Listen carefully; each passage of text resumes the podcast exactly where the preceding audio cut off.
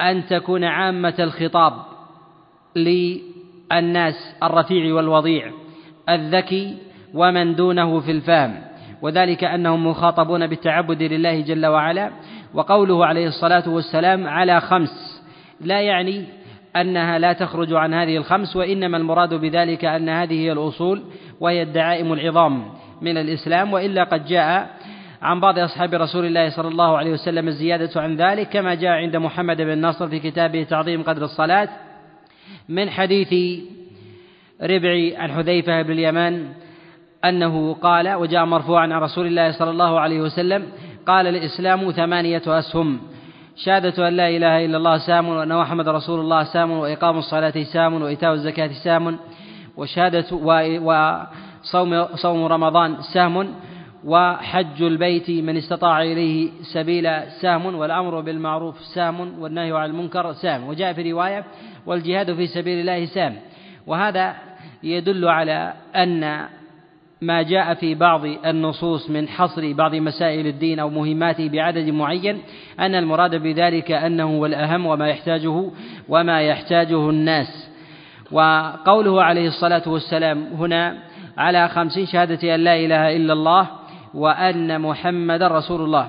الشهادتان المراد بهما وأن يتلفظ بها بهما الإنسان نطقا فلا يتحقق إسلام الإنسان إلا بالنطق بها ويخرج من هذا من لا يستطيع الشهادة.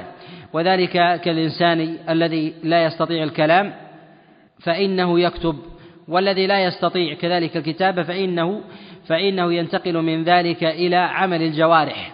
ويقال حينئذ أن قول اللسان يسقط عنه. وذلك أن الشريعة لا تكلف الإنسان إلا إلا قدر وسعه كما قال الله جل وعلا لا يكلف الله نفسا إلا وسعها وفي قوله عليه الصلاة والسلام في الصحيح من حديث أبي هريرة إذا أمرتكم بأمر فأتوا منه فأتوا منه ما استطعتم وتقديم الشهادتين هنا وجعلها أنها الركن الأول من أركان الإسلام وهي كذلك جاءت مفسرة ومفرقة من جهة المعاني في في الإيمان. حينما جاء في حديث في حديث عمر بن الخطاب عليه رضوان الله تعالى في قصة جبريل الذي جاء إلى رسول الله صلى الله عليه وسلم فسأله قال ما الإيمان؟ قال الإيمان أن تؤمن بالله وملائكته وكتبه ورسله وجبريل وبكتبه ورسله وملائكته وبالقدر خيره وشره ويوم البعث. وفي رواية البعث بعد الموت. وهذه أركان الإيمان وهي متضمنة للشهادتين وهذا يدل على أهمية التوحيد.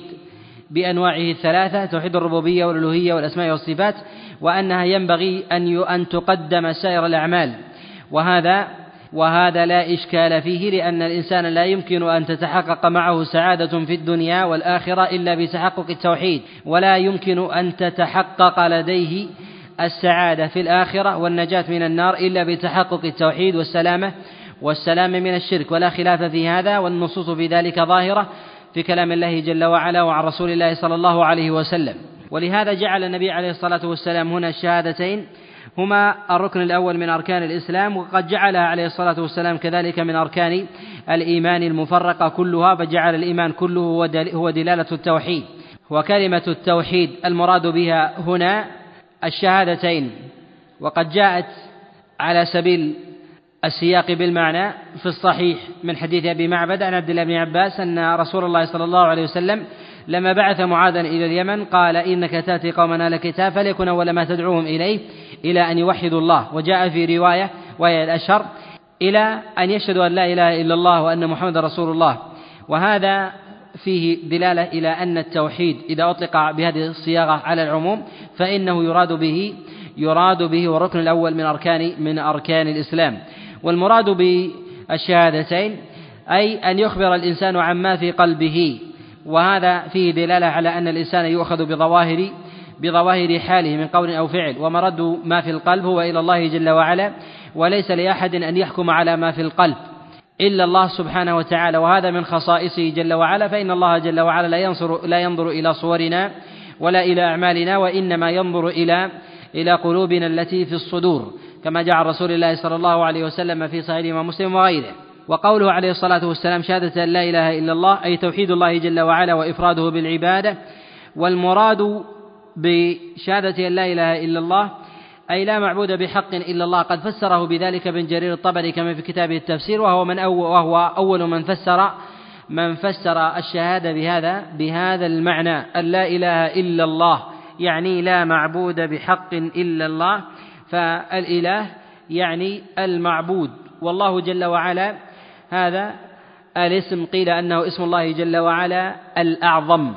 وعلى خلاف عند العلماء في في اسم الله جل وعلا الأعظم والذي يظهر لي والله أعلم أن هذا هو هو الاسم الأعظم لله سبحانه وتعالى وذلك لتضمنه لجملة من المعاني أو لمجموع أسماء الله جل وعلا وصفاته. فإن الإنسان إذا أراد أن ينظر إلى اشتقاقات هذا اللفظ في لغة العرب وجد أنها شاملة لمجموع ما جاء من أسماء الله جل وعلا وصفاته. فمن معاني الإله أله أي ارتفع. ولهذا يقول الشاعر العربي تروحنا من الدهناء عصرا وأعجلنا الإلهة أن تغيب والمراد بذلك هي الشمس. يعني أعجلتنا الشمس من أن تغيب. وهذا معنى صحيح من معاني ألا أن الله جل وعلا مرتفع عن عباده جل وعلا مستو عن عرش مستو على عرشه سبحانه وتعالى. كذلك البقاء والدوام من غير تغير وهذا موجود أيضا في هذا في هذا المعنى وله أصل من جهة الاشتقاق في لغة العرب. ولهذا يقول يقول الشاعر ألهنا بدار لا تبين رسومها كأن بقاياها وشام على اليد أي أي الثبوت وعدم التغير من حال إلى حال وأنها باقية باقية الرسوم. وهذا فيه من جهة المعنى أن الله جل وعلا أول ليس له ابتداء وآخر ليس له له انتهاء. ومن المعاني أيضا المتضمنة لهذا التعبد لله جل وعلا ولهذا يقول الشاعر لله در الغانيات المدهي سبحنا واسترجعنا من تأله يعني من تعبد لله جل وعلا وتعلق. كذلك الالتجاء أي أن الله جل وعلا هو مستحق. الاستعانة والاستغاثة وكذلك الالتجاء إليه سبحانه وتعالى عند نزول الضراء. ولهذا يقول الشاعر العربي ألهت إليكم في أمور تنوبني فألفيتكم منها كراما أماجدا. والمراد بذلك أني أني التجأت التجأت إليكم فوجدت أنكم أهلا لي المفزع. وهذا خليق بأن يكون على الكمال لله سبحانه وتعالى فيكون هذا من جهة المعنى متضمن لمعنى الإله فهو أيضا متضمن لهذا اللفظ ولفظ الجلالة الله. وله معاني عديدة في تحمل هذا هذا المعنى وله أصول أيضا في كلام في كلام العرب. وقوله عليه الصلاة والسلام هنا وأن محمدا رسول الله. والمراد بالرسالة ليست على الإطلاق بل على الوصف الذي جاء في كلام الله جل وعلا وكلام رسول الله صلى الله عليه وسلم. وهذا ظاهر في كثير من الآي وفي كلام رسول الله صلى الله عليه وسلم. فرسول الله صلى الله عليه وسلم أرسله الله جل وعلا إلى الناس كافة وما أرسلناك إلا كافة للناس. فالله جل وعلا قد أرسله إلى الناس كافة وأمره بخطاب الثقلين. أيضا ليس الذكر والأنثى فإن الناس هم الشاملون لبني آدم من الجنسين من الذكر والأنثى. وأما الجن فهم مخاطبون بذلك لقول الله جل وعلا وما خلقت الجن والإنس إلا ليعبدون وكذلك فإن رسول الله صلى الله عليه وسلم قد خاطب الجن وأمرهم باتباعه.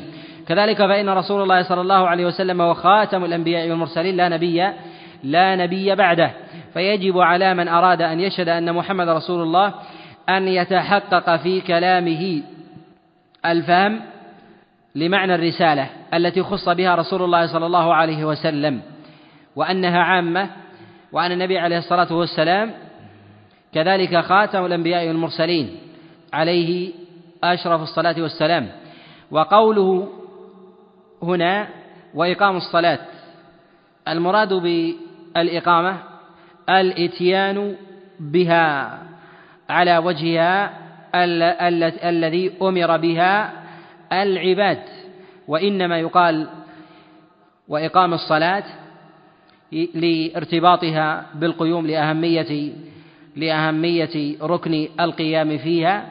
من قوة الامتثال والأدب والخشوع بين يدي الله سبحانه وتعالى. والصلاة هي الركن الثاني من أركان الإسلام بالإجماع. ولا خلاف عند العلماء أنها أعظم وأهم الأركان العملية. بل قد جاء في كثير من النصوص عن رسول الله صلى الله عليه وسلم وعن الصحابة وعن التابعين إطلاق الكفر على من تركها. كما جاء رسول الله صلى الله عليه وسلم عند الإمام أحمد وكذلك الترمذي من حديث عبد الله بن شقيق قال ما كان أحد من أصحاب رسول الله ما كان أحد من أصحاب رسول الله صلى الله عليه وسلم أو ما كان أصحاب رسول الله صلى الله عليه وسلم يرون من الأعمال شيئا تركه كفر إلا إلا الصلاة. وهذا يدل على أهمية هذه الصلاة لما استثنيت من سائر التروك التي الذي تركها لا يستوجب لا يستوجب كفرا. وحكي هذا الإجماع وهذا كما أنه في الصحابة كذلك في التابعين كما روى محمد بن نصر المروزي من حديث حماد بن زيد عن أيوب أنه قال ترك الصلاة كفر لا نختلف لا نختلف فيه. وأيوب بن تيمية السختياني ومن أئمة من أئمة التابعين وكبارهم وقد حكى الإجماع على كفر تارك الصلاة غير واحد من العلماء كإسحاق بن راهويه وكذلك أيضا محمد بن نصر المروزي جاء فيه اللفظ على الإطلاق وهو محتمل للكفر الأكبر والكفر والكفر الأصغر. ويكفي ولو قلنا أنه في المرتبة الدنيا من مراتب الكفر أو الكفر الأصغر أن الإنسان إذا ترك ذلك أنه بين سائر الكبائر وبين وبين الإشراك مع الله عز وجل غيره وهو الخروج من ملة الإسلام وهذا يدل على أهمية أهمية الصلاة. وقد جاءت نصوص كثيرة في التأكيد عليها وقد جاء عن بعض السلف الصالح النص على كفر من ترك شيئا من أركان الإسلام سواء كان ذلك الصلاة أو الزكاة أو الصيام أو الحج. وهذا مروي عن سعيد بن جبير وكذلك أيضا قد جاء عن الحكم وهو رواية عن الإمام أحمد وقال بإسحاق بن راهويه و وغيره.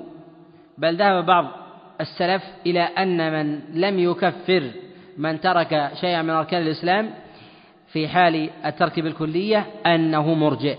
وهذا ظاهر كلام كلام إسحاق بن راهويه عليه رحمة الله. وقد مال أبو داود عليه رحمة الله في كتابه السنن إلى أن من ترك الصلاة فهو كافر ومن لم يكفره فهو مرجئ. فإنه قد بوب قول باب المرجئة وأورد فيه حديث العهد الذي بينه وبينهم الصلاة فمن تركها فمن تركها فقد كفر.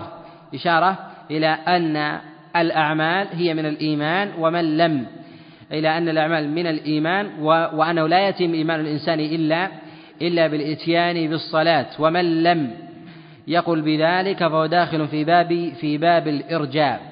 ولهذا كانت الصلاة في هذا في هذا المقام في كلام الله جل وعلا وكلام رسول الله صلى الله عليه وسلم وعمل السلف الصالح من الصحابة والتابعين.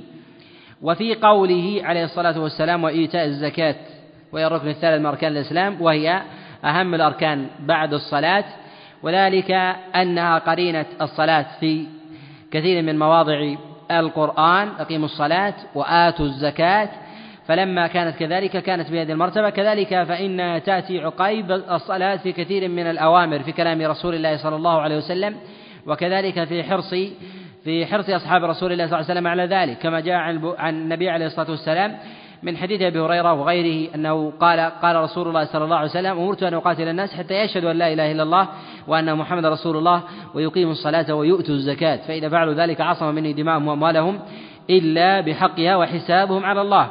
فلما كان كذلك دل على أن من ترك الزكاة وامتنع من أدائها فإنه يقاتل. كذلك كذلك الصلاة. وعلى هذا أجمع أصحاب رسول الله صلى الله عليه وسلم في قتال في قتالهم للمرتدين كما في قتال أبي بكر وإطباق أصحاب رسول الله صلى الله عليه وسلم على هذا الأمر لما أورد لهم هذا الحديث عن رسول الله صلى الله عليه وسلم. وذلك أن الصلاة متعلقة بالعمل البدني وهي بهذا المقام يملكها سائر الناس الفقير والغني. وأما الزكاة فهي متعلقة ببعض الناس وهم الأغنياء الذين ملكوا ملكوا نصابا. وتوفرت فيهم شروط الوجوب وهي متعلقة بالأموال. فالصلاة متعلقة بالأبدان وهي مطهرة لها. كذلك فإن فإن الزكاة متعلقة بالأموال مطهرة كذلك كذلك لها. وفي قوله عليه الصلاة والسلام وصوم رمضان. قد جاء في بعض الروايات في صحيح الإمام مسلم تقديم الحج على الصيام ولهذا قد اختلف العلماء في أيهما أعظم وآكد. الحج أم الصيام؟ وقع في ذلك خلاف بحسب التقديم والتأخير في هذه الرواية والأشهر في أكثر الروايات هو تقديم تقديم الصيام على الحج وأن الحج هو آخر أركان الإسلام. وعلى كل فإن الترتيب الذكري في كلام الله سبحانه وتعالى لا يتضمن الترتيب من جهة الأهمية والأفضلية وإلا وإلا لزل لزم ذلك أن يكون في كثير من الأمور التي يأتي إطلاقها على سياق التقديم. بالمفاضلة والأدلة الصريحة تدل على خلاف على خلاف ذلك وهذا لا اضطراد لا اضطراد فيه. ولكن يقال أنه للتقدم لبعض الألفاظ مزية في مراد الشارع في بعض الأحيان وليس ذلك على الإطلاق. وإلا فالأشهر فإن الصيام هو آكد من الحج لأمور متعددة منها أنها تتعلق بسائر الناس وأغلبهم. كذلك فإنها من جهة الفرضية فرضت قبل الحج والحج إنما فرض بعد ذلك. وربما كان الاحتمال هنا من جهة الترتيب الترتيب بحسب الفرض. فالله جل وعلا قد أمر نبيه عليه الصلاة والسلام بالتوحيد وأمر بالبلاغ ابتداء الأمر ثم أمره بالصلاة ثم ثم الزكاة ثم الصيام ثم الحج. وهذه على ترتيبها على ترتيبها حينما أمر بها رسول الله صلى الله عليه وسلم. وإلا من أراد أن ينظر إلى اهتمام الشارع في إطلاق الوعيد على من ترك شيئا من أركان الإسلام يجد أن الأهمية منصرفة إلى الصلاة ثم يليها بعد ذلك الحج من جهة الوعيد. ولهذا قال الله جل وعلا في كتابه العظيم ولله على الناس حج البيت من استطاع إليه سبيلا ومن كفر فإن الله غني عن العالمين. ولم يأتي عن أحد من أصحاب رسول الله صلى الله عليه وسلم إطلاق الكفر على أحد ترك شيئا من أركان الإسلام سوى سوى الصلاة والحج فإنه قد جاء عن عمر بن الخطاب عليه رضوان الله تعالى كما جاء من حديث عبد الرحمن بن غنم عن عمر بن الخطاب عليه رضوان الله تعالى كما عند أبي بكر الإسماعيلي وعند البيهقي وغيرهما من حديث عبد الرحمن بن غنم عن عمر بن الخطاب عليه رضوان الله تعالى أنه قال لقد هممت أن أبعث إلى الآفاق فينظر من كان عنده جيدة فلم يحج أن يضرب عليهم الجزية ما هم بمسلمين ما هم بمسلمين. وإسناده عن عمر بن الخطاب عليه رضوان الله تعالى صحيح وقد جاء من وجه آخر عند سعيد المنصور في كتاب السنن من حديث الحسن البصري عن عمر بن الخطاب عليه رضوان الله تعالى وفيه وفيه انقطاع. وهذا قد جاء أيضا عن علي بن أبي طالب وجاء مرفوعا عن رسول الله صلى الله عليه وسلم من حديث أبي أمامة. وجاء أيضا عند الترمذي من حديث علي بن أبي طالب ولا يصح منها شيء في المرفوع عن رسول الله صلى الله عليه وسلم. والصواب في ذلك هو الوقف على عمر. وأما ما جاء مرفوعا إلى رسول الله صلى الله عليه وسلم فالصواب فيه فالصواب فيه الإرسال من حديث عبد الرحمن بن سابط مرسلا عن رسول الله صلى الله عليه وسلم من غير ذكر أبي أمامة عليه رضوان الله تعالى فيه. وهذه الأركان هي أهم الواجبات في الإسلام الواجبات العملية وتلي التوحيد من جهة الأهمية وهي التي ينبغي أن يخاطب فيها الناس بحسب بحسب حالهم. فمن كان من أهل المال فإنه يؤكد عليه من جهة المال ومن كان من أهل الاستطاعة والقدرة بالإتيان إلى الحج فإنه كذلك يؤكد عليه ومن لم يكن من أهل المال فإنه لا يؤكد عليه في التفقه في مسائل الزكاة. والتفقه في دين الله جل وعلا يخاطب به الناس بحسب التكليف الموجه إليهم. ولهذا قد روى الترمذي في كتابه السنن في الخبر قال لا يبيع في سوقنا إلا من فقها في ديننا. يعني من من فقها في التعامل بالبيع والشراء حتى لا يقع حتى لا يقع في مسائل في مسائل البيع الحرام من الربويات وغيرها. ولهذا ينبغي للمؤمن أن يكون متفقها في ذلك. ومقتضى الأمر والتأكيد على التفقه في هذه المسائل أن من جهل منها شيئا مع إمكانه التفقه أنه ليس بمعذور وهذا هو الأصل. أن أنه مع إمكان العلم أن الجاهل ومن وقع في شيء من الخطأ من ظواهر الأحكام التي يمكن الإنسان أن يصل إليها أنه ليس بمعذور ولولي الأمر أن يعاقبه. فمن تعامل بالربا مع سهولة وصوله لأمثال هذه المسائل والتفقه فيها فإن لولي الأمر أن يعاقبه. ولهذا كان السلف الصالح من أصحاب رسول الله صلى الله عليه وسلم وغيرهم كانوا يعاقبون يعاقبون على أكل الربا كما جاء عن ابن الزبير عن ابن الزبير وغيره. ويكون هذا من أبواب من أبواب التعزيرات لا من أبواب لا من أبواب الحدود. في هذا الحديث وهو في الصحيحين من حديث أيوب عن أبي قلابة عن أنس بن مالك عن رسول الله صلى الله عليه وسلم قال ثلاثة من كن فيه وجد حلاوة الإيمان.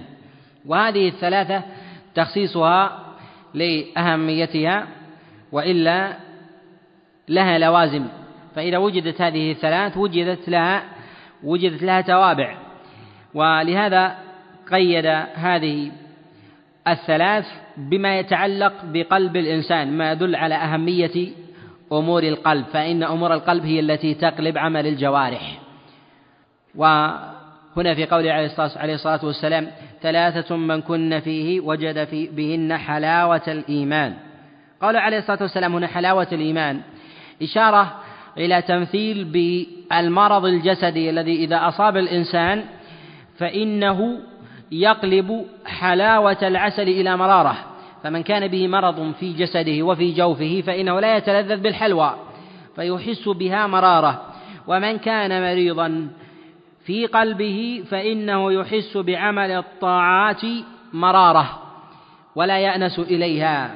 ومن وجد هذه الثلاث فإنه يجد الحلاوة الحلاوة في قلبه. وإذا لم يجدها الإنسان فليعلم أنه مريض في قلبه كحال المريض في جسده الذي يتناول الحلوى ويتناول العسل ويجدها في لسانه مرة. والعيب حينئذ لا يكون في اللسان وإنما هو في جسد الإنسان. فإن الإنسان إذا أحاط بجسده بعض الأمراض إذا تناول العسل لا يجد له لا يجد له طعما. وسبب في ذلك هو مرض البدن. كذلك فإن ما يجده كثير من الناس من عدم وجود حلاوة الطاعات. الظاهرة فليعلم أنه ما توفرت فيه هذه الثلاث التي يجد بسببها حلاوة الإيمان.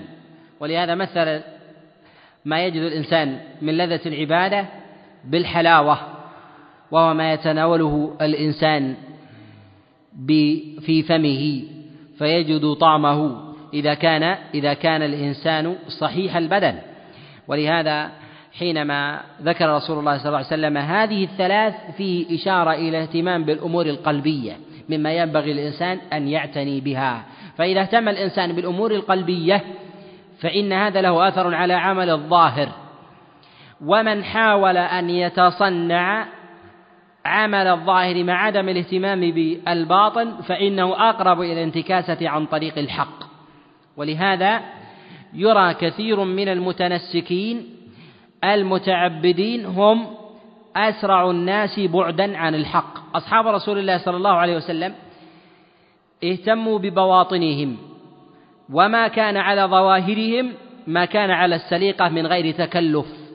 ولهذا قد روى البخاري في كتابه الأدب المفرد من حديث الوليد بن جميع عن أبي سلمة بن عبد الرحمن قال ما كان أصحاب رسول الله صلى الله عليه وسلم متماوتين ولا متحزلقين وإنما كانوا ينشدون الشعر ويتذكرون أمر الجاهلية فإذا أريد أحدهم على دينه دارت حماليق عينيه أي أنهم لا يتصنعون التماوت أو التنسك في الظاهر ونحو ذلك فإن العناية في ذلك وإشغال القلب بالظاهر وعدم إشغال القلب بصلاح الباطن هو مفسدة للظاهر والباطن.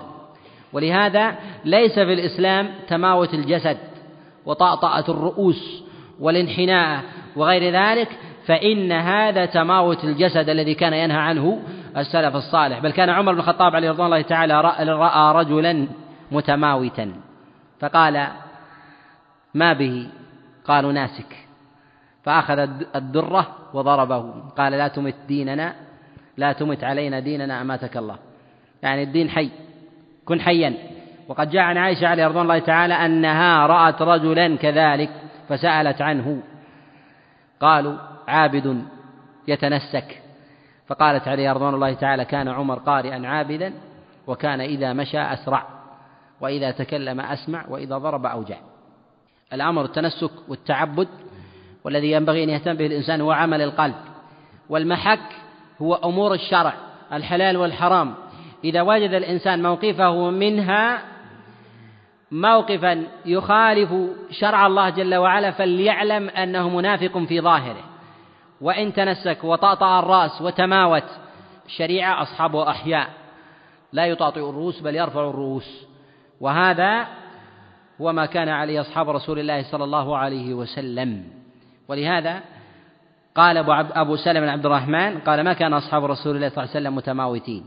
يعني الخفة في الحركة والهدوء حتى يشبه الإنسان بأنه جثة وميت بل كان أصحاب رسول الله صلى الله عليه وسلم ينشدون الشعر و ويقومون فإذا أريد أحدهم على الدين دارت حماليق عينيه عند الأمر بالمعروف والنهي عن المنكر لا مجاملة.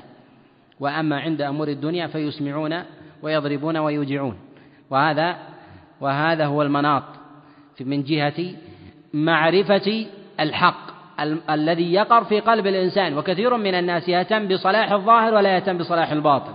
صلاح الباطن الذي بسببه يجد الإنسان حلاوة الإيمان هي التي ذكرها رسول الله صلى الله عليه وسلم هنا أن يكون الله ورسوله أحب إليه مما سواهما.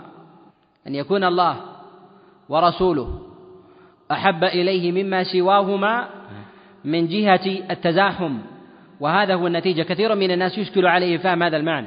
فيقول كيف أعرف أن الله جل وعلا عندي أحب إلي مما سواهما. يعرف ذلك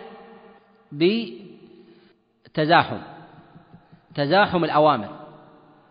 وتزاحم الحظوظ. فإذا كان حق الله فإذا كان حق الله جل وعلا قد تزاحم مع حق غيره فلينظر حينئذ عند إلى عمل الإنسان عند ذلك. حظ الإنسان في نفسه في ماله في عرضه. إذا قدم ذلك على حق الله جل وعلا فليعلم أنه ما أحب الله جل وعلا كما ينبغي. وكثير من الناس يظن أن محبة الله جل وعلا بقدر عمل الإنسان في الطاعات. وعند التزاحم يكون أول الناكصين عن الحق. وهذا وهذا من الفتنة التي يفتن بها كثير من الناس. فتجد العابد الزاهد يتعبد لله جل وعلا ولكنه عند المال يقدم حقه وحظ ماله على حظ الله. وعند الحرمات لا يقدم حق الله جل وعلا. وهذا فيه نقص في قدر المحبة. وهنا لا يجد الحلاوة. هنا قيدها رسول الله صلى الله عليه وسلم بنفي وجود حلاوة الإيمان. وما نفى رسول الله صلى الله عليه وسلم وجود الإيمان وإنما نفى الحلاوة التي يستلزم معها الثبوت والديمومة على هذا الأمر. فإن الإنسان إذا عرف حلاوة الشيء داوم عليه. وإنما الذي يأتي إلى الشيء ويدعه ما عرف حقيقته كالإنسان مثلا الذي الذي فيه مرض في جسده فيعطى حلوى في حال مرضه فيجدها مرة في حلقه. هذا يدعها لماذا؟ لأنه ما عرف طعمها الحقيقي. كذلك أيضا في أمور الطاعات. فإن الإنسان إذا تعبد لله جل وعلا بعبادة وكان قد توفر في قلبه أسباب وجود حلاوة الإيمان فإنه حينئذ يعان ويوفق على الثبات وهذا هو سبب ثبات كثير من الناس عند عند الفتن. كذلك أيضا في وجود المحبة القلبية في نفوس كثير من الناس. فيوجد من الناس من هو كثير في العمل لله جل وعلا لكنه عند التراد غيره أقدم منه. وتجد هذا الذي يقدم هو دون ذلك عملا. ولهذا أصحاب رسول الله صلى الله عليه وسلم إذا قارنهم ببعض العباد والزهاد من التابعين وجدنا أن ثمة فرق في العمل الظاهر. ومن من السلف الصالح من هم أهل تنسك وعبادة وتزهد وتقلل من الدنيا وتقشف ممن لم يوجد في أحد أصحاب رسول الله صلى الله عليه وسلم. وهذا لا أثر له عند الله جل وعلا إذا إذا نقص يقين القلب. وذلك أن أصحاب رسول الله صلى الله عليه وسلم هم أعظم إيمانا في القلب أعظم من غيره. وإن أكثر غيرهم في العمل. الميزان في ذلك هو عند عند التعارض والتضاد سواء في أمور الأمر بالمعروف والنهي عن المنكر. كذلك أيضا في أمور العمل في إيثار حق الله جل وعلا على راحة البدن من نوم أو مال وغير ذلك وعلى الولد بعدم إدخال عليهم شيئا يسرهم من المال الحرام. كذلك على الزوجة وحفظ شهوات الإنسان بالنظر واللسان بإطلاق اللسان لشهواته كذلك السمع أن يقدم حق الله جل وعلا على هذه الحظوظ فإنه حينئذ يجد يجد حلاوة الإيمان. ولهذا رسول الله صلى الله عليه وسلم مثل بجملة من الأمثلة قال وأن يحب الرجل لا يحب إلا إلا لله. أي أن المحبة التي يجدها الإنسان في قلبه للإنسان لا تكون إلا لحق الله سبحانه وتعالى وثمة فرق بين المحبة والمودة.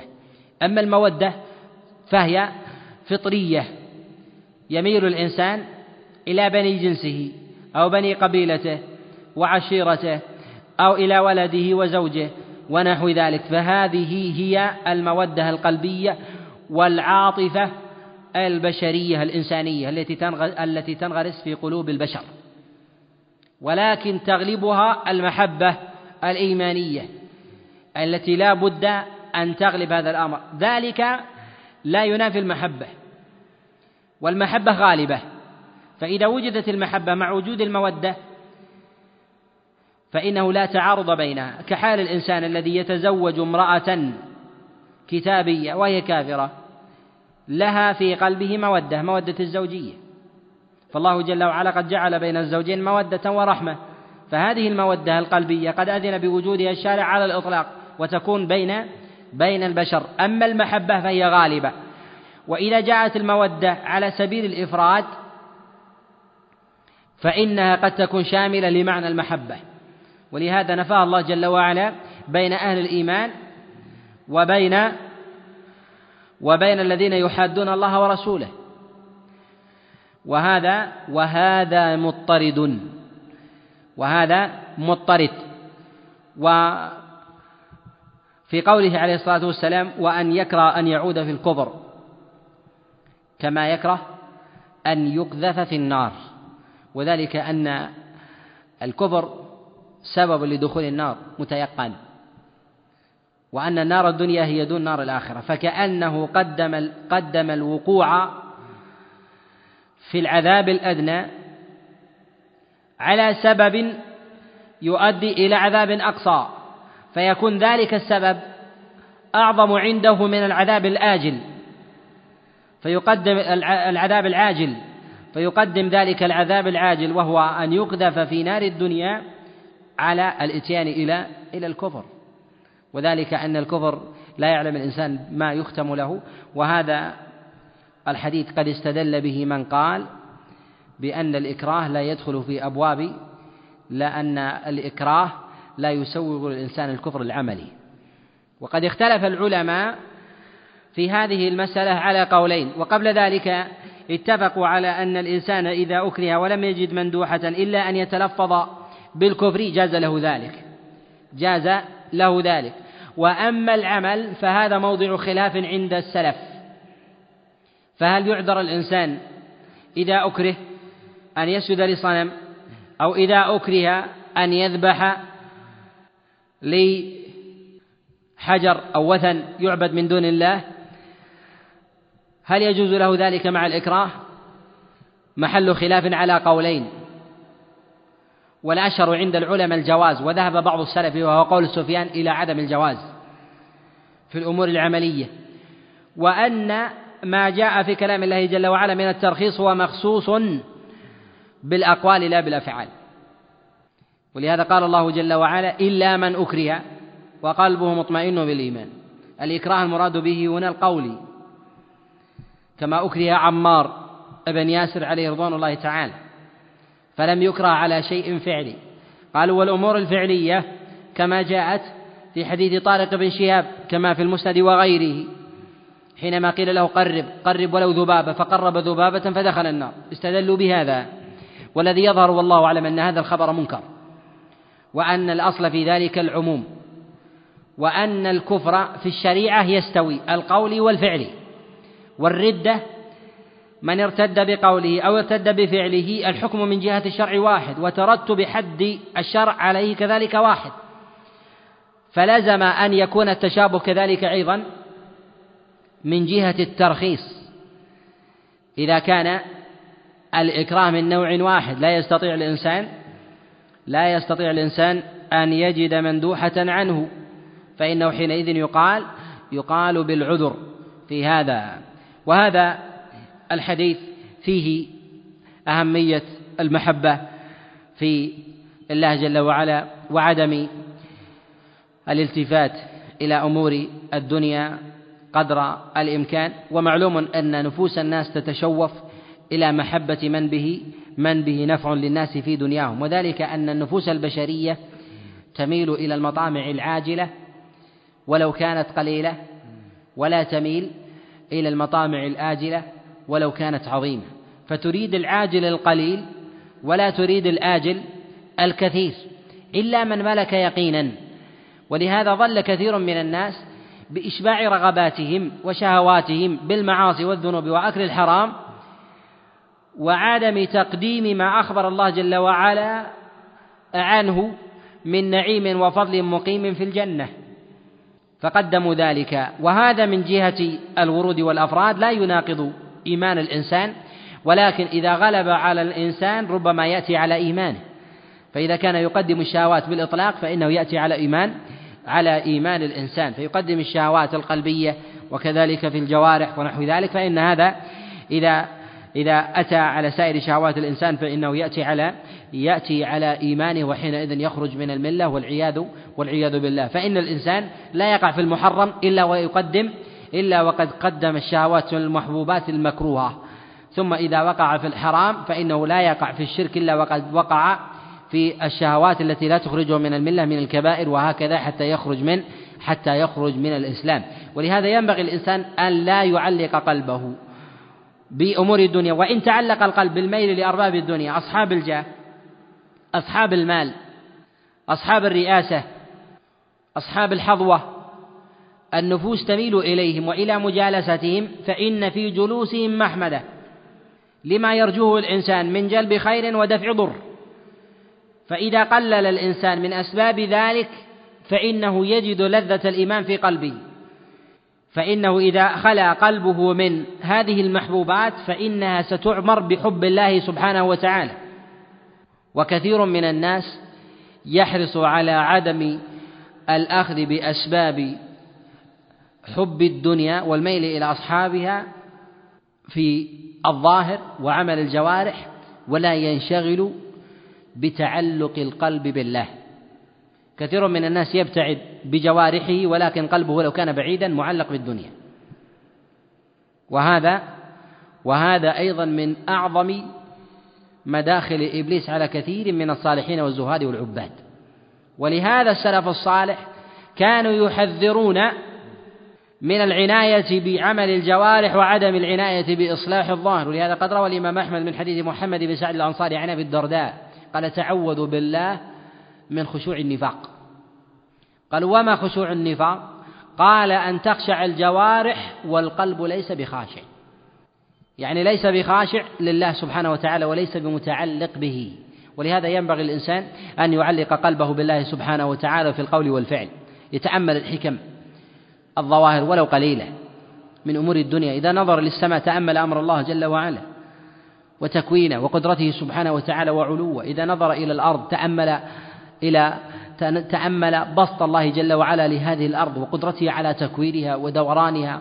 ونظر إلى الخلق بتنوع ألوانهم وصورهم ونحو ذلك. فإن الإنسان حتى وإن كان في دنياه يعمر, قلب يعمر قلبه بتعظيم الله جل وعلا فإنه إن عمره بذلك قل نصيب الدنيا من قلبه ووجد حينئذ حلاوة الإيمان. نعم. أحسن الله إليك. وعنه رضي الله عنه قال قال رسول الله صلى الله عليه وسلم لا يؤمن أحدكم حتى أكون أحب إليه من والده وولده والناس أجمعين. في قوله عليه الصلاة والسلام لا يؤمن أحدكم حتى أكون أحب إليه. نفي الإيمان هنا محمول على معنيين. المعنى الأول نفي كمال أي أنه لا يكمل إيمان الإنسان حتى حتى يكون النبي عليه الصلاة والسلام أحب إليه من ماله وولده ونفسه والناس أجمعين. المعنى الثاني نفي صحة للإيمان أي لا يصح منه الإيمان أصلا. وعلى المعنى الأول بنفي الكمال ما يفعله الإنسان من تقديم بعض اللذائذ لحظ النفس والمال. وهذا يقع من عصاة بني آدم. ممن يقدم أكل الربا وهو يرى نهي النبي عليه الصلاة والسلام عن ذلك. ويقع في الزنا وهو يرى النصوص تنهى عن ذلك. ويقع في الكذب والغيبة مع وجود التحريم وثبوته عنده. فهذا في مثل هذه الأحوال وهذه الأفعال قدم محبة النفس على محبة رسول الله صلى الله عليه وسلم والعبرة بالعموم. فإن الإنسان إذا أحب رسول الله صلى الله عليه وسلم غلبت غلب الاتباع له في الظاهر والباطن. وإن ادعى الظاهر مع المخالفة في الباطن فهذا هو هو النفاق. فهذا فهذا هو النفاق. ورسول الله صلى الله عليه وسلم في نفي الإيمان هنا يريد إثبات ضده وهو النفاق. ولا يريد بذلك إثبات الكفر. وإلا فالثاني فإنه لا يتحقق إلا من الكفر من الكفار الخلص. نفي الإيمان بالكلية. الذين لا يحبون رسول الله صلى الله عليه وسلم إلا لذاته لا يحبون لما جاءه لما جاء به من حق. كحب أبي طالب للنبي عليه الصلاة والسلام. يحبه لأنه لأنه من قومه وابن أخيه وصاحب أخلاق قويمة ويدعو إلى الخير ولكنه ما اتبع. ولهذا يقال أن هذا لا ينفع. أن هذا لا ينفع. لماذا؟ لأنه ما عمل بشيء من الجوارح مع وجود المحبة القلبية. فيكون هذا حال حال المنافقين الخلص. فأبو طالب هو من المنافقين الذين توفر فيهم النفاق الخلص كحال كفار قريش الذين أخبر الله جل وعلا عنهم أنهم لا يخرجون يعني للقتال لقتال النبي عليه الصلاة والسلام إلا بطرا ورياء الناس. يعني يريدون المراد لا يريدون آلهتهم فهم ينافقون أيضا حتى في حق الآلهة. فكيف في حق الله جل وعلا؟ فهم من هذا الباب منافقون. وإن كانوا يظهرون الكفر والعناد ففيهم ضرب ضرب نفاق كامل. وأما من يقع في من يقع في المحرمات والكبائر مع وجود طاعات عنده فهذه المحبة لرسول الله صلى الله عليه وسلم تتعالج مع عدمها ونقيضها والغلبة حينئذ للأغلب. ما لم يقع الإنسان في شيء من نواقض من نواقض الإسلام التي تخرجه تخرجه من الملة. ولهذا ذكر رسول الله صلى رسول الله صلى الله عليه وسلم المال والنفس والأهل لأن الأهل لهم مطامع. يحب الإنسان أن يغلبها وهي من شهوات الدنيا من جلب المال الحرام لهم وإمتاعهم بذلك. من الانشغال عن الأمور الأمور الواجبة بمعاشرة ومعافسة الأهل والأولاد. كذلك من المال فإنه يحب التكاثر بالمال والجلب بالمال وذلك يحفه جملة من المحظورات منها المال الحرام ومنها تضييع الواجبات باتباع باتباع الضرب بالأسواق ونحو ذلك. كذلك أيضا شهوات النفس وهي أعظم أعظم الأمور على الإنسان التي تهلكه من حيث لا يشعر وهي أعظم ما يجر على الإنسان سوء العاقبة في دينه ودنياه. في أمر دينه بظلمة بظلمة القلب وعدم النور في الوجه والضيق والحرج في النفس وعدم الراحة والطمأنينة وفي الآخرة الحساب والعقاب بين يدي الله سبحانه وتعالى. ولهذا قد جعل رسول الله صلى الله عليه وسلم أن قد جعل حبه سابقا لسائر المحبوبات ولهذا قال الناس أجمعين يعني بجميع أنواعهم لا الرؤساء ولا العلماء فضلا عن الرفعاء والرعية فإنه إن قدم حب الله جل وعلا على حب هؤلاء أجمعين من غير استثناء فإنه قد جعل لرسول الله صلى الله عليه وسلم في قلبه المنزلة المشروعة وكان حينئذ من أهل الإيمان الكامل. ولهذا أصحاب رسول الله صلى الله عليه وسلم قدموا حب رسول الله على سائر المحبوبات فمنهم من ترك بلده وماله وهاجر من مكة إلى المدينة وترك العشيرة وفيها متع النفس وترك الأهل والأولاد. ومنهم من حمل السيف على أهله يقاتلهم وهم أقرب إليه من رسول الله صلى الله عليه وسلم. وهذا تقديم لحب محمد صلى الله عليه وسلم. لهذا كانوا في هذا الباب عليهم رضوان الله تعالى أفضل من غيرهم ففاقوا الناس أجمعين ممن جاء بعدهم. نعم. صلى الله عليك وعنه عن النبي صلى الله عليه وسلم قال كفاية كفاية. سؤال. الكفر؟ لا. على الصحيح لا. طبعا هو من تركها مستحلا لها وكافر لا خلاف في ذلك. من لم يكفره فهو كافر إلا إذا تعذر بأنه معذور بالجهل ونحو ذلك هذه مسألة أخرى وباب آخر. أما من ترك الصلاة بالكلية كلام بالكلية لا يصلي شيء فهذا أرى أنه كافر ولا إشكال في ذلك. وأن النصوص المطلقة من كلام النبي عليه الصلاة والسلام وكلام الصحابة والتابعين أنها منصرفة إليه. وذلك أن الذي لا يقر بوجوب الصلاة ليس بحاجة أن ينصرف إليه إليه خلاف في التكفير عند السلف. ولهذا حينما يقول أيوب بن تيمية السختياني حينما قال ترك الصلاة كفر لا نختلف فيه هل يريد الترك بالاستحلال؟ لا يمكن لأنهم أهل إيمان. كذلك أيضا في أصحاب رسول الله صلى الله عليه وسلم أنهم ما كانوا يرون شيئا من الأعمال تركه كفر إلا الصلاة يريدون بذلك هو الترك مع وجود الإيمان بوجوبها. وأما عدم الإقرار بالوجوب فإن الإنسان ربما يكفر بغير ذلك من ظواهر الشريعة ولو لم تكن من أركان من أركان الإسلام. والصواب في ذلك أن من صلى صلاتين في اليوم فإنه لا يكفر. لما جاء في مسند الإمام أحمد من حديث قتادة عن نصر بن عاصم أن رجلا منهم جاء إلى رسول الله صلى الله عليه وسلم فأراد أن يبايعه على ألا يصلي إلا صلاتين. فرخص له رسول الله صلى الله عليه وسلم وبايعه على ذلك نعم لا. ويقال أنه لا يعلم الخلاف في هذا. أول من قال به الزهري وليس بصريح. نعم. نعم. شيء وقر في قلبه. ولهذا يقول شيخ الإسلام ابن تيمية أن أبو بكر الصديق أقوى في عمل الباطن وعمر أقوى في عمل الظاهر والغلبة لعمل الباطن. له يقول بكثير صلاة وصيام. ما يقصد مطلق الأعمال. نعم. التكاسل عن الصلوات النوافل والصيام هل يعني هذا عدم المحبة أو كمال المحبة؟ أولا ينبغي أن يعلم أن الحكمة من تنوع العبادات في الشرع أنها لتنوع حاجات النفوس. حينما شرع الله عز وجل الصيام وشرع الصلاة وشرع الصدقة لاختلاف نفوس الناس. من الناس من لا يطيق الصلاة لكنه يكثر من من لا لا يطيق الصيام لكنه يستطيع أن يكثر من الصلوات. ومنهم العكس يصوم يوما ويفطر يوما لكنه يقصر في الإكثار من النوافل. فهذا التنوع موافق لطبيعة البشر.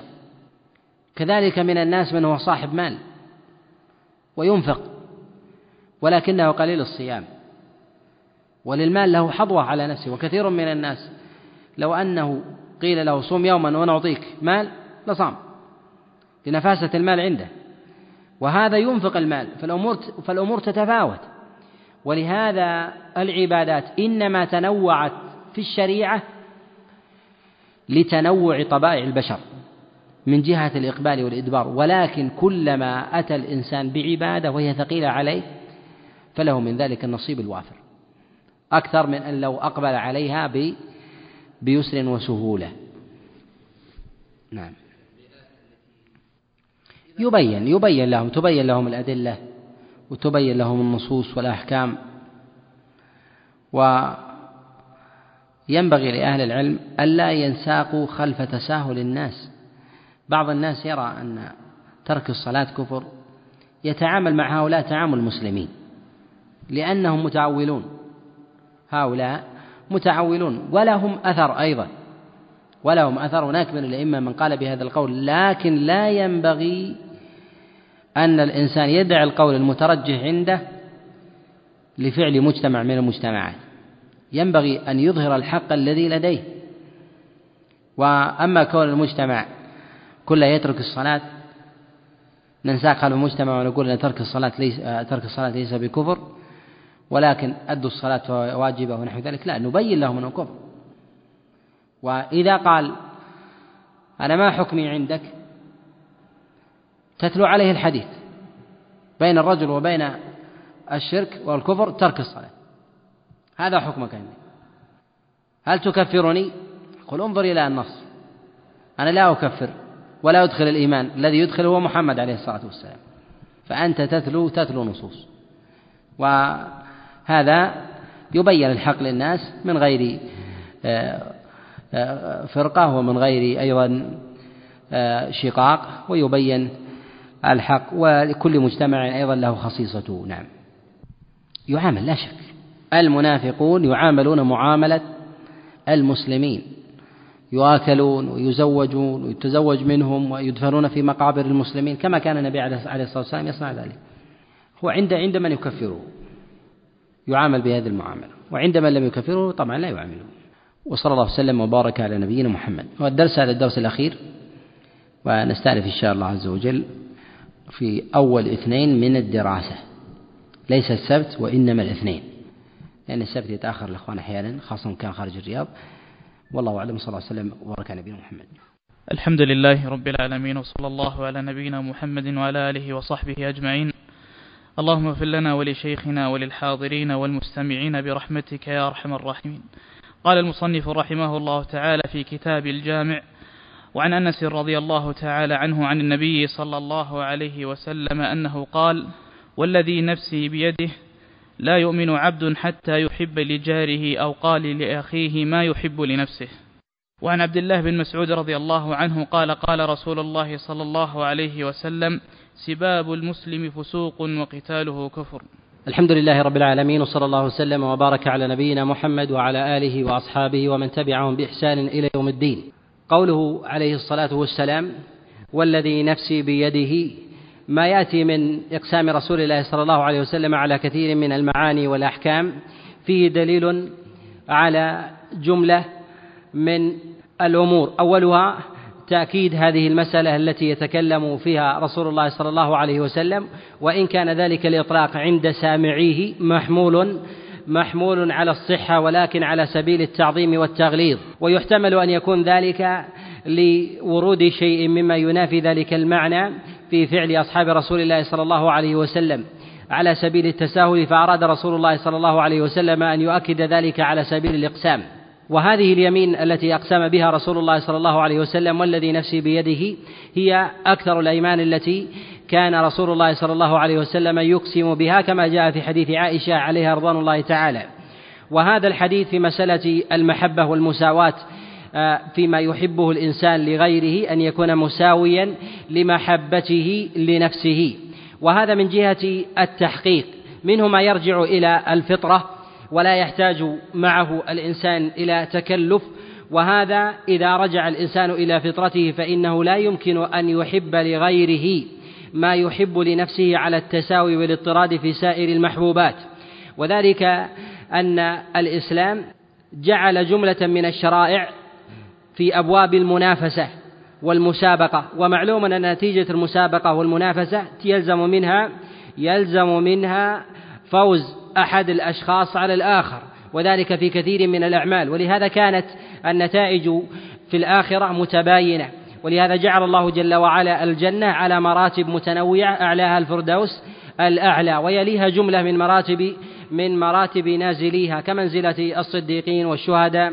وكذلك من يطلق عليه الصالحين من يطلق عليه وصف الصلاح. ويشمل هذا من استقام في أغلب أمور الإسلام وسلم في عظائمها وسلم من الوقوع من الوقوع في كبائر الذنوب. فيطلق عليه وصف فيطلق عليه وصف الصلاح. ولهذا يعلم أن المراد في قوله عليه الصلاة والسلام يحب لأخيه أو لجاره ما يحب لنفسه أن هذا المراد على سبيل التغليب وما ليس فيه منافسة. وأما ما فيه منافسة فإنه يقال الإنسان أولى بالصدارة من غيره. وقد اختلف العلماء في مسألة الإيثار في الأعمال فيما حقه الانفراد. هل يقدم الإنسان الإيثار أم ينفرد في ذلك الخير؟ أولا إذا كان لا يمكن الاشتراك في هذا العمل فإن الانفراد حينئذ متحتم. فهل يقدم الإنسان غيره على نفسه؟ ويؤجر على ذلك الإيثار الذي تحقق في نفسه امتثالا لهذا الحديث لما جاء رسول الله صلى الله عليه وسلم حتى يحب لأخيه ما يحب لنفسه. وهذا إذا علمنا أنه لا يمكن المزاحمة في مثل هذا فإن الإنسان يقدم الإيثار لاعتضاده بحديث أنس بن مالك هذا فاجتمع نصان فيقدم الإنسان غيره على نفسه. هل يؤجر على ذلك أم لا؟ أم الأفضل في ذلك أن يتقدم على غيره؟ هذه خلافية. قد اختلف العلماء في هذه المسألة وذهب جمهورهم إلى أن الإنسان يقدم نفسه على غيره. إذا كان غيره لا يمكن أن يلحق بمثل هذا الموضع سواء على سبيل الفور أو على سبيل التراخي. ومنهم من قال أنه يقدم غيره. وذهب إلى هذا جماعة من المحققين وهو قول ابن القيم عليه رحمة الله قال إن الإنسان في مسألة في مسألة المزاحمة يؤثر غيره ويؤجر على ذلك الإيثار لامتثال الخبر عن رسول الله صلى الله عليه وسلم. والذي تميل إليه النفس أن الإنسان في مسألة المزاحمة مما لا يتحقق معه الاشتراك أن الإنسان لا يقدم غيره بل يقدم نفسه ويدعو لغيره بثبوت الأجر. وذلك أن الإنسان إذا علم أنه يتمنى حصول الخير يؤجر على نيته تلك وإذا دعا لغيره قال له الملك ولك بمثل. فإذا وجد هذا عند الإنسان وقيل له ولك بمثل دل على أن الله جل وعلا جعل للمدعو مثل جعل للمدعو ما دعا به الداعي. فإذا تحقق لذلك الداعي مثل ما دعا به لغيره فإنه للمدعو له أوجب من أن يتحقق لذلك الداعي. وذلك أنه المقصود من إنشاء من إنشاء ذلك الدعاء. وبه يعلم أن الإنسان في مجرد إيثاره لنفسه على غيره فيما حقه المزاحمة أن الإنسان يؤجر على ذلك ويؤجر غيره إذا وجدت تلك النية في قلب الإنسان. لهذا الحديث لحديث أنس بن مالك عليه رضوان الله تعالى ولجملة ولجملة من الأحاديث. من المسائل التي لا يمكن فيها لا يمكن فيها الاشتراك. كمسألة الفرجات في الصف إذا وجد الإنسان فرجة في صف لا يتمكن معها الإنسان أن يؤثر غيره إما أن يتقدم أو يقدم غيره. فيقال حينئذ أن هذه المسألة لا تخلو من أحوال. إذا كان الإنسان يستوي مع غيره في مسألة الفضل والجلالة لأن النبي عليه الصلاة والسلام قيد أمثال هذه الأماكن في من كان من أهل الأحلام والنهاء كما جاء في حديث ابن البراء عن أبيه أن رسول الله صلى الله عليه وسلم قال ليلي منكم أولو الأحلام والنهاء. فإذا تحقق هذا الوصف في الاثنين فإن الإنسان يقدم نفسه على على غيره. وأما إذا كان غيره أولى منه في مثل هذا الموضع لاستحقاقه بذلك الوصف الذي وصفه به رسول الله صلى الله عليه وسلم فيقال حينئذ أن غيره أولى منه لثبوت الدليل ولا يقدم ولا يقدم نفسه فإنه إن قدم نفسه لم يكن هذا من جملة الإيثار وإنما من جملة التعدي. وفي حال المساواة فإن الإنسان يقدم يقدم نفسه لا يقدم غيره وهذا فرع عن تلك المسألة التي تقدم تقدم الخلاف الخلاف فيها.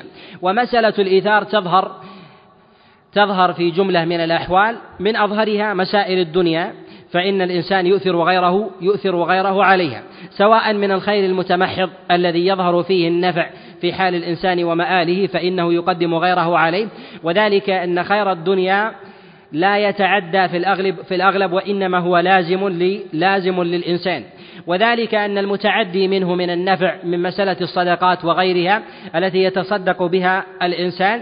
ذلك أن الشارع قد بين أن الإنسان يؤجر على نيته من ذلك العمل ولو لم يكن لديه مال مما يدل على ضعف على ضعف حظ الدنيا بالنسبة للعبادة المتمحضة التي أمر الشارع أمر الشارع بها. ويعلم أن الإيثار في مسائل الدنيا من الأمور المحمودة على الإطلاق.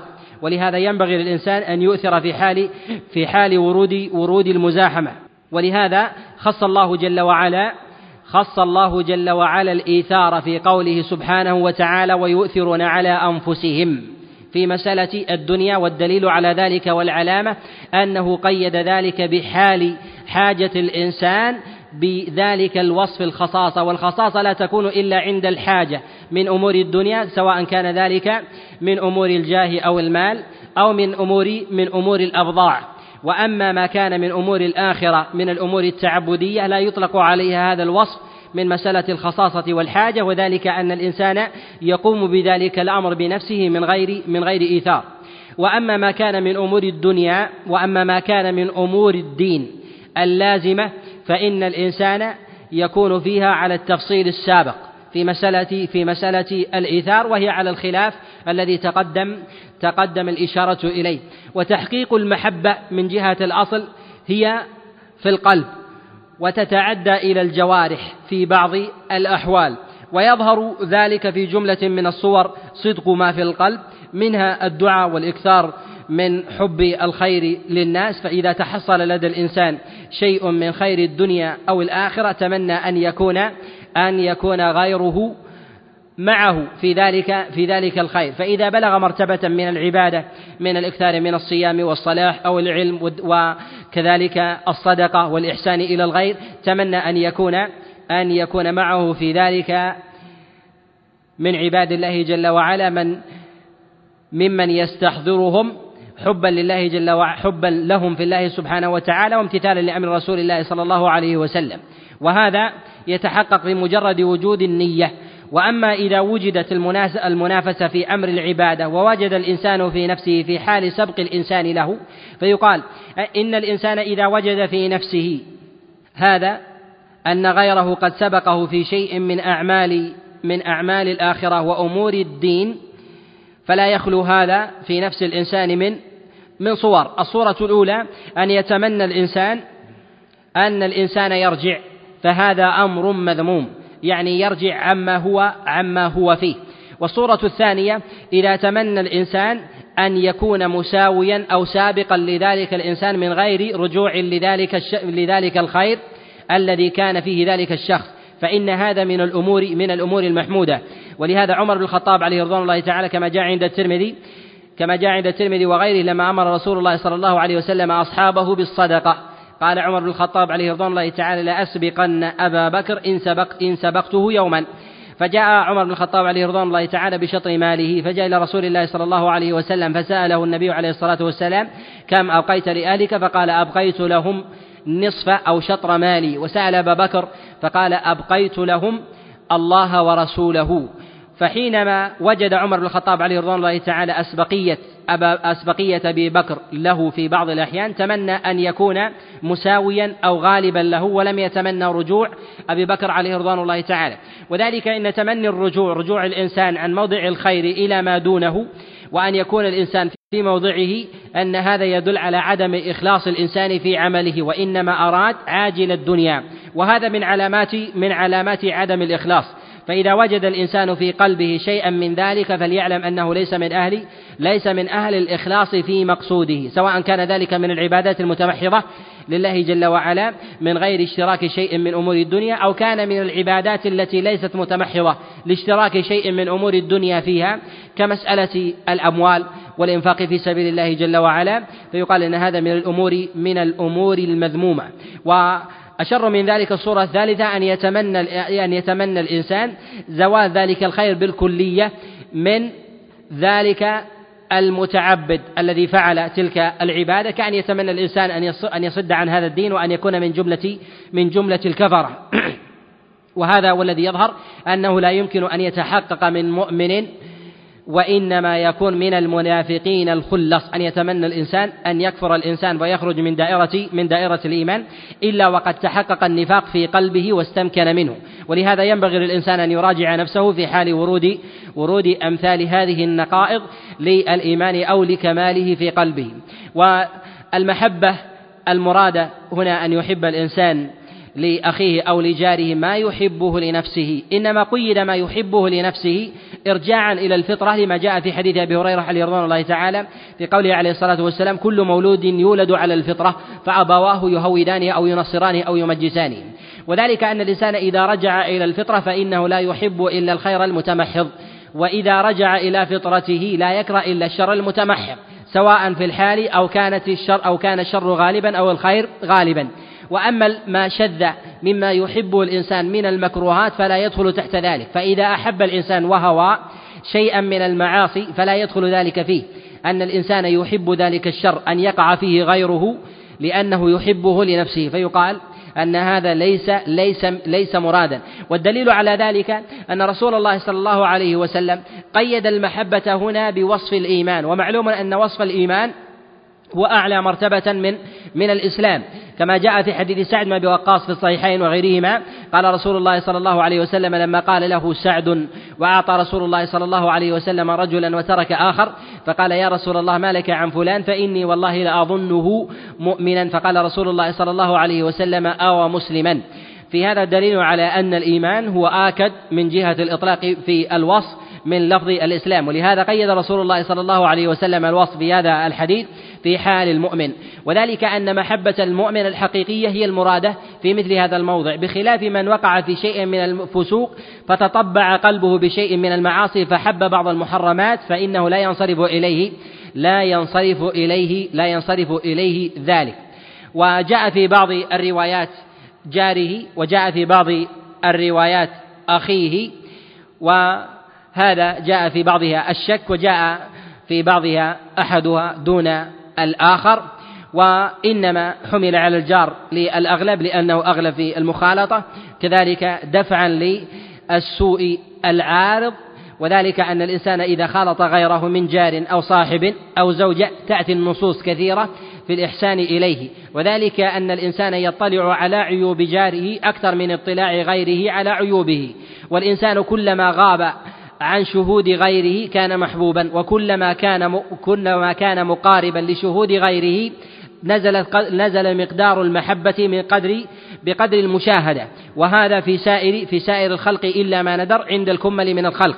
ولهذا جاءت النصوص على سبيل التأكيد في من تختلي يختلط الإنسان بغيره في حال الزوجة كذلك الأبناء والوالدين كذلك الجار والصاحب في مسألة السفر وغيره. يتأكد تتأكد النصوص في ذلك من الإكثار بالإحسان وغض الطرف أكثر من الغير لأن المعايب تظهر فيه أكثر أكثر من غيره. فجاء النص هنا بمسألة الجار لأن الإنسان يطلع على العيوب فوجب على الإنسان أن يحب سترها وأن يحب كذلك الخير الوارد ودفع الشر الذي يرد إليه عنه تعظيما لمقامه لأنه أظهر بالاطلاع بالاطلاع عليها عليها من غيره. وأما ما جاء في حديث عبد الله بن مسعود عليه رضوان الله تعالى في قول رسول الله صلى الله عليه وسلم سباب المسلم فسوق. في هذا الحديث في قوله عليه الصلاة والسلام سباب المسلم فسوق وقتاله كفر. هذا الخبر في ذكر السباب اختيرت اللفظة هذه لكونها شاملة لسائر أنواع الذم والقدح أعلاها من الوصف بالكفر والإلحاد وأدناها ما كان من التعيير ونحو ذلك مما لا يدخل تحت السب المتمحض كوصف الإنسان كوصف الإنسان بشيء من الصفات ولو كانت موجودة عنده أو فيه على سبيل الذم والاحتقار. فإن هذا داخل في داخل في لفظ السباب. وأما المراد بالفسوق هنا الفسوق عند العرب هو الخروج من الطاعة. تقول العرب فسقت الرطبة إذا خرجت من قشرها وفسقت النواة إذا خرجت من التمرة أو الثمرة. والإنسان إذا خرج من الطاعة فهو فاسق. ولا يسمى الإنسان فاسقا على هذا الوصف وصفا ملازما حتى يقع في الكبائر أو يكون ملازما للصغيرة على الدوام. والصغيرة معلوم أنها تكون معظمة وفي حكم الكبيرة في أحوال. من هذه الأحوال أن يصر الإنسان على الصغيرة فإنها فإنها تكون من الكبائر. والإصرار هو أن يكون الإنسان مداوما عليها على الدوام من غير رجوع وتوبة. الثانية التي من من الأسباب التي تجعل الصغيرة كبيرة تستلزم الفسوق الاستهانة. والاحتقار لهذه الصغيرة ولو فعلها مرة فإنها تكون في حقه كبيرة. وتقدم معنا أن أعمال القلب هي التي تجعل الكبائر صغائر وتجعل الصغائر كبائر. وذلك أن الإنسان إذا فعل صغيرة واستهان بها فإنه يستلزم من ذلك الاستهانة بنص التحريم فيها فإن هذا يكون من أبواب التغليظ. وهذا يجعل الصغيرة حينئذ كبيرة. وإذا فعل الكبيرة وقلبه وجل منصرف إلى ترقب الله جل وعلا ونزول عقابه به. فإنه يقال أن الإنسان حينئذ تكون الصغيرة في حقه كبيرة ومعلوم أن الكبائر على قول جماهير العلماء لا تكفرها الحسنات في ظاهر قول الله جل وعلا وأقم الصلاة طرفي النهار وزلفا من الليل إن الحسنات يذهبن يذهبن السيئات. فالحسنات التي تذهب السيئات على قول جماهير العلماء السيئات لا تدخل فيها الكبائر ولكن لما كانت الكبيرة صغيرة في حال وجل القلب وحضور خوف الله جل وعلا. عند الوقوع فيها تكون صغيرة وتكفرها وتكفرها الحسنات ومن ذلك ما جاء في الصحيحين وغيرهما من حديث أبي هريرة في قول رسول الله صلى الله عليه وسلم بينما امرأة بغيا من بني إسرائيل وجدت كلبا يلعق الثرى من العطش فنزعت موقها فنزلت في بئر فسقت له فاستغفرت فغفر الله لها. في هذه الحسنة التي فعلتها تلك المرأة وكانت سببا لغفران تلك الكبيرة لم تكن تلك الحسنة تكفيرا لتلك الكبيرة إلا لوجود القلب الوجل عند فعل تلك الكبيرة. وذلك أن الإنسان إذا فعل حسنة بعد ذنب وقلبه وجل من تلك السيئة فإن ذلك يجعل السيئة صغيرة وتأتي عليها تلك المكفرات. وذلك إن ذلك أن وصف الكبيرة على الدوام وصفا ملازما لا يتحول من كل فاعل لا يستقيم في نصوص الشريعة. ووصف الذنوب بالصغائر على الدوام وصفا ملازما في عند كل فاعل وفي كل فعل ليس ليس مستقيما في الشريعة. وإنما وإنما يعظم الصغائر القلب ويصغر الكبائر كذلك عمل عمل القلب. وهذا وهذا مضطرد في عمل القلب ولكن في إحكام الظاهر فتبقى هذه النصوص على إطلاقها على تقييدات عند عند العلماء. ومن الأمور التي تجعل الصغيرة كبيرة هي المجاهرة المجاهرة بها. فإذا فعل الإنسان المعصية ويعلم أنها معصية وكانت صغيرة وجاهر بها فإنها تكون في حقه كبيرة. وذلك أن رسول الله صلى الله عليه وسلم قد بين أن المجاهر ليس بمعافى وهذا وهذا بقوله عليه الصلاة والسلام كل أمتي معافى إلا المجاهرين. فلما كان الإنسان مجاهرا بذنبه لم يكن من أهل المعافاة سواء كان الذنب كبيرا أو صغيرا فإذا فعله وجاهر به كان في حقه مغلظا. وربما كانت الصغيرة كبيرة إذا فعلها من يؤبه به. فإذا فعلها من لا تتوقع منه تلك المعصية فإنها تكون في حقه مغلظة. ولهذا ذنب الصديق أعظم من ذنب من ذنب غيره. وذلك لوجود اليقين في قلبه الدافع لورود تلك الشبهة الجالبة لذلك الفعل فوجب على ذلك فوجب على ذلك الإنسان ألا ينساق خلف تلك الشهوة بخلاف من ليس من أهل من أهل الإيمان والصديقية. وذلك لضعف الإيمان. كذلك مرد ذلك إلى الطبع فإذا وجد الإنسان في طبعه عدم الميل لشيء من الذنوب فالذنب القليل ربما يكون أعظم من غيره. وهذا كما أنه في أبواب الصغائر كذلك في أبواب الكبائر. ومن الصور التي تعظم تعظم الذنب سواء كانت كبيرة تغلظها أو صغيرة فتعظمها إذا فع إذا إذا لم يكن ثمة في طبع الإنسان دافع لها فتكون حينئذ في حقه مغلظة وربما كانت الصغيرة عظيمة. كحال الإنسان الذي رب يفعل بعض الشهوات وليس في قلبه دافع كالشيخ الكبير الذي يقع في بعض المعاصي كالزنا أو النظر المحرم واتباع العورات ونحو ذلك. ولهذا النبي عليه الصلاة والسلام قد فرق بين زنا الأشيمط وبين زنا الشاب وزنا الأشيمط لضعف الدافع في قلبه. وهو الشيخ الكبير أشد من أشد من غيره.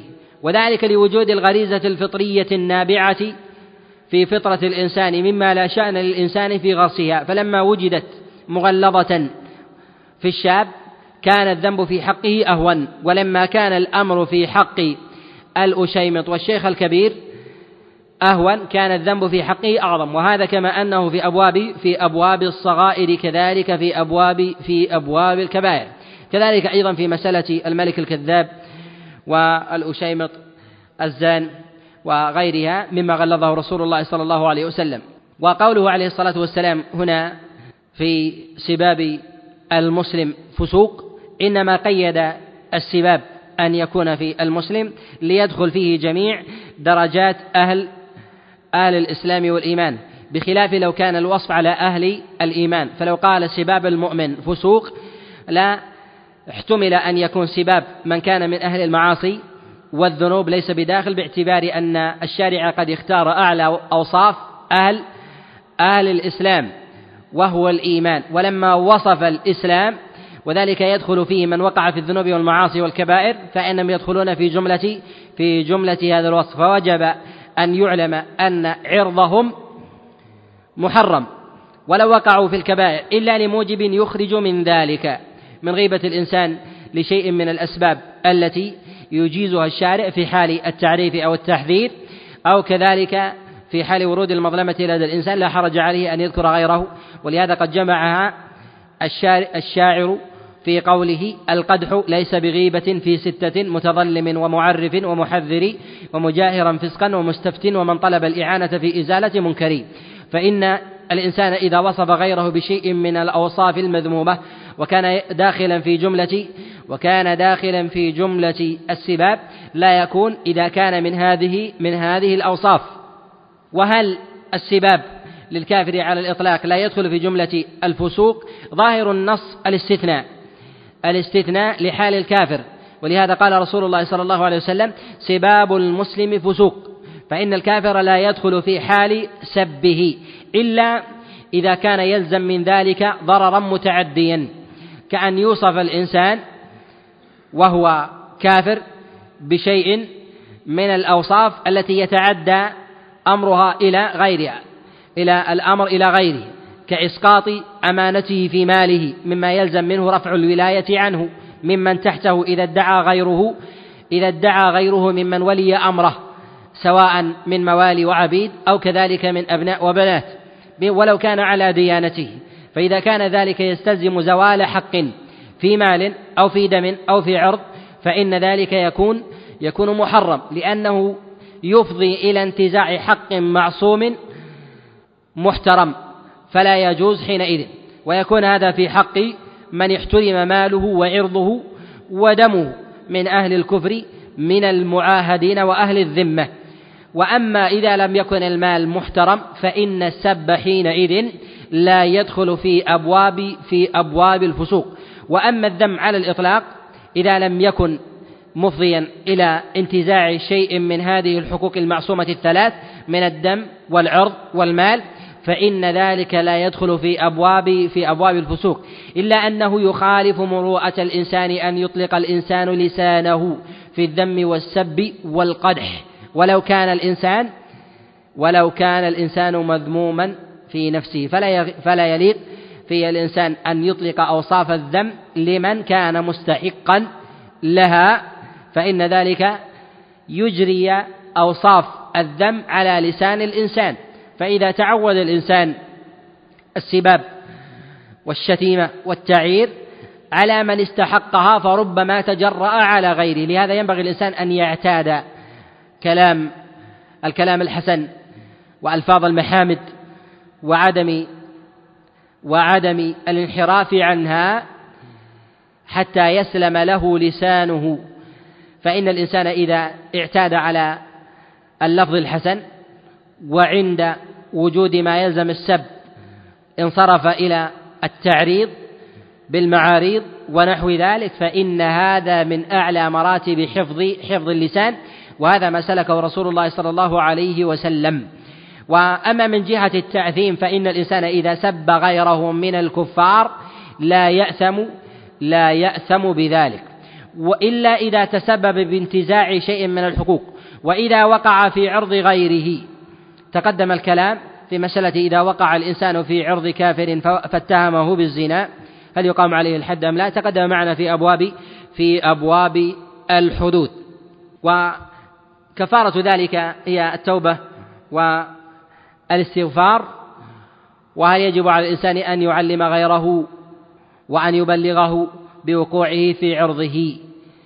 إن طعن فيه بغيبة أو نميمة يقال أنه إذا بلغ ذلك المغتاب أو المسبوب أن فلانا قد تكلم فيه فإنه ينبغي له أن يتحلل منه وإذا لم يبلغه فإنه يستغفر له ويتوب ويذكره بنفس المجلس الذي طعن طعن فيه.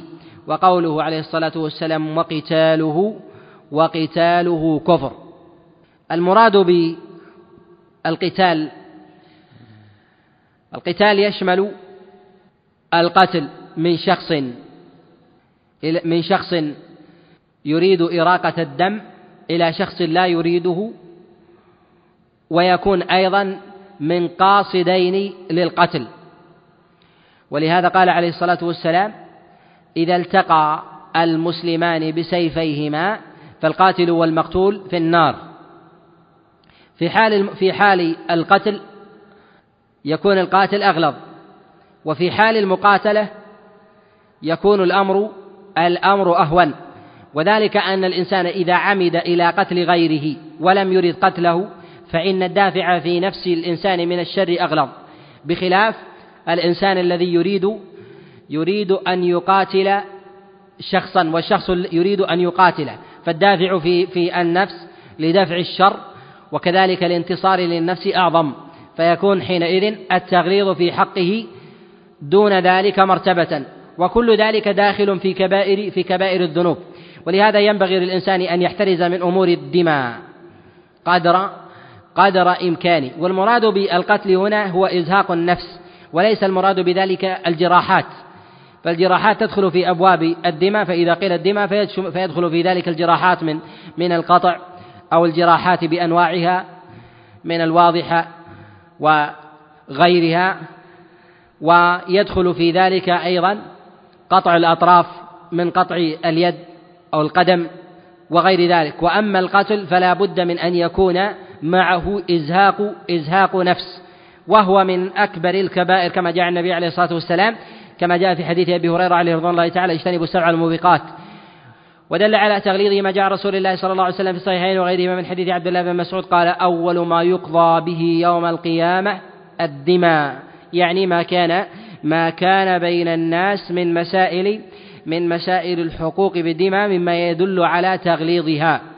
ويدل على تغليظها أن الله جل وعلا قد قضى في من قتل مؤمنا متعمدا أن جزاؤه جهنم خالدا فيها. وقد قال عبد الله بن عباس عليه رضوان الله تعالى أن القاتل ليس له توبة وخالد مخلد في النار.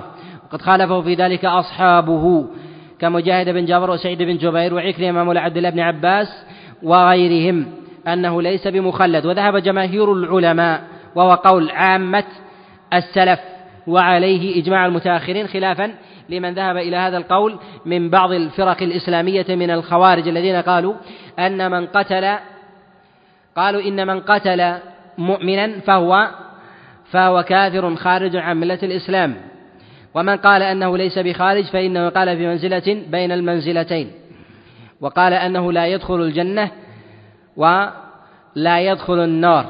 وهذا أدنى أهل أهل أو أدنى أقوال الحرورية في هذا في هذا الباب. وصواب في ذلك قبول التوبة. وذلك أن الله جل وعلا قد بين حال الإنسان في مخالفة لأمر الله جل وعلا وإقدامه على قتل المؤمن متعمدا أنه خالد في النار والعرب تطلق الخلود على من طال من طال مكثه وبقاؤه. ولهذا يوصف الرجل بأنه مخلد وتسمي العرب الرجل مخلدا. إذا تيمنا بطول مكثه وهم يوقنون أنه لا يخلد بطول بطول البقاء. وهذا مما أقره مما أقره الشرع. ما يدل على أن إطلاق التخليد بطول المكث سائغ في لغة في لغة العرب. ويشكل عليه إذا أضيف إليه أبدا هل هذا على الديمومة أم لا؟ يقال أن من قتل مؤمنا متعمدا مستحلا لذلك فهو كافر يستوجب الخلود الأبدي. وأما إذا قتل الرجل غيره متعمدا من غير استحلال فإنه فإنه لا يخلد. وإذا أقيم عليه الحد هل يلزم من ذلك هل يلزم من ذلك التكفير أم لا بد من توبة مصاحبة؟ قد اختلف العلماء في هذه المسألة. ذهب عامة العلماء إلى أن الحد كاف لإسقاط لإسقاط العقاب عنه في الآخرة والتوبة من الإنسان في حال في حال العفو عنه من أولياء المقتول أنها كافية بإسقاط العقاب عنه. والدليل على ذلك ما جاء رسول الله صلى الله عليه وسلم في قصة رجل من بني إسرائيل الذي قتل تسعة وتسعين نفسا. وحينما جاء إلى رجل من الرهبان وقال هل لي من توبة؟ فقال لا فقتل وكمل به مئة إلى آخر الخبر. فيه دليل على أن الله جل وعلا يقبل توبة القاتل ولو أكثر إذا صدق في التوبة وأما الإنسان إذا قتل غيره وأقيم عليه الحد.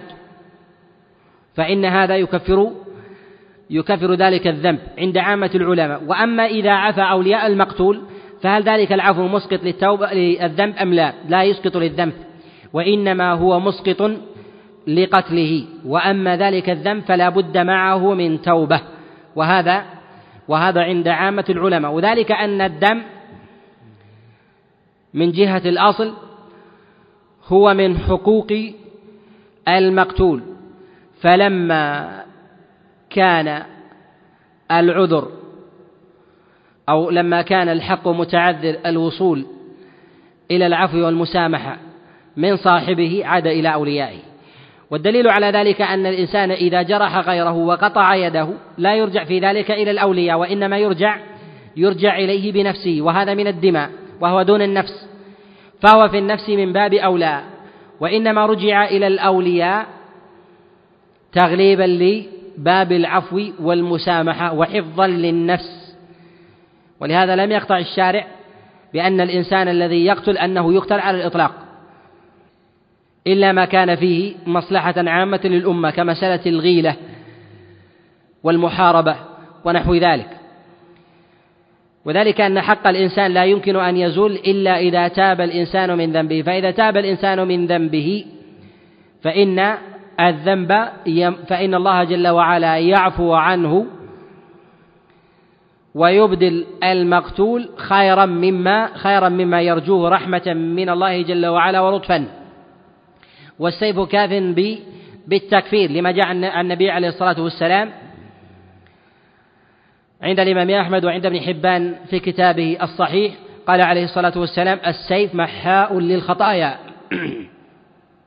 وكذلك ما جاء في حديث عبادة بن الصامت في الصحيحين وغيرهما قال عليه الصلاة والسلام من أصاب من هذه الحدود شيئا فعوقب به في الدنيا فهو كفارة فهو كفارة له.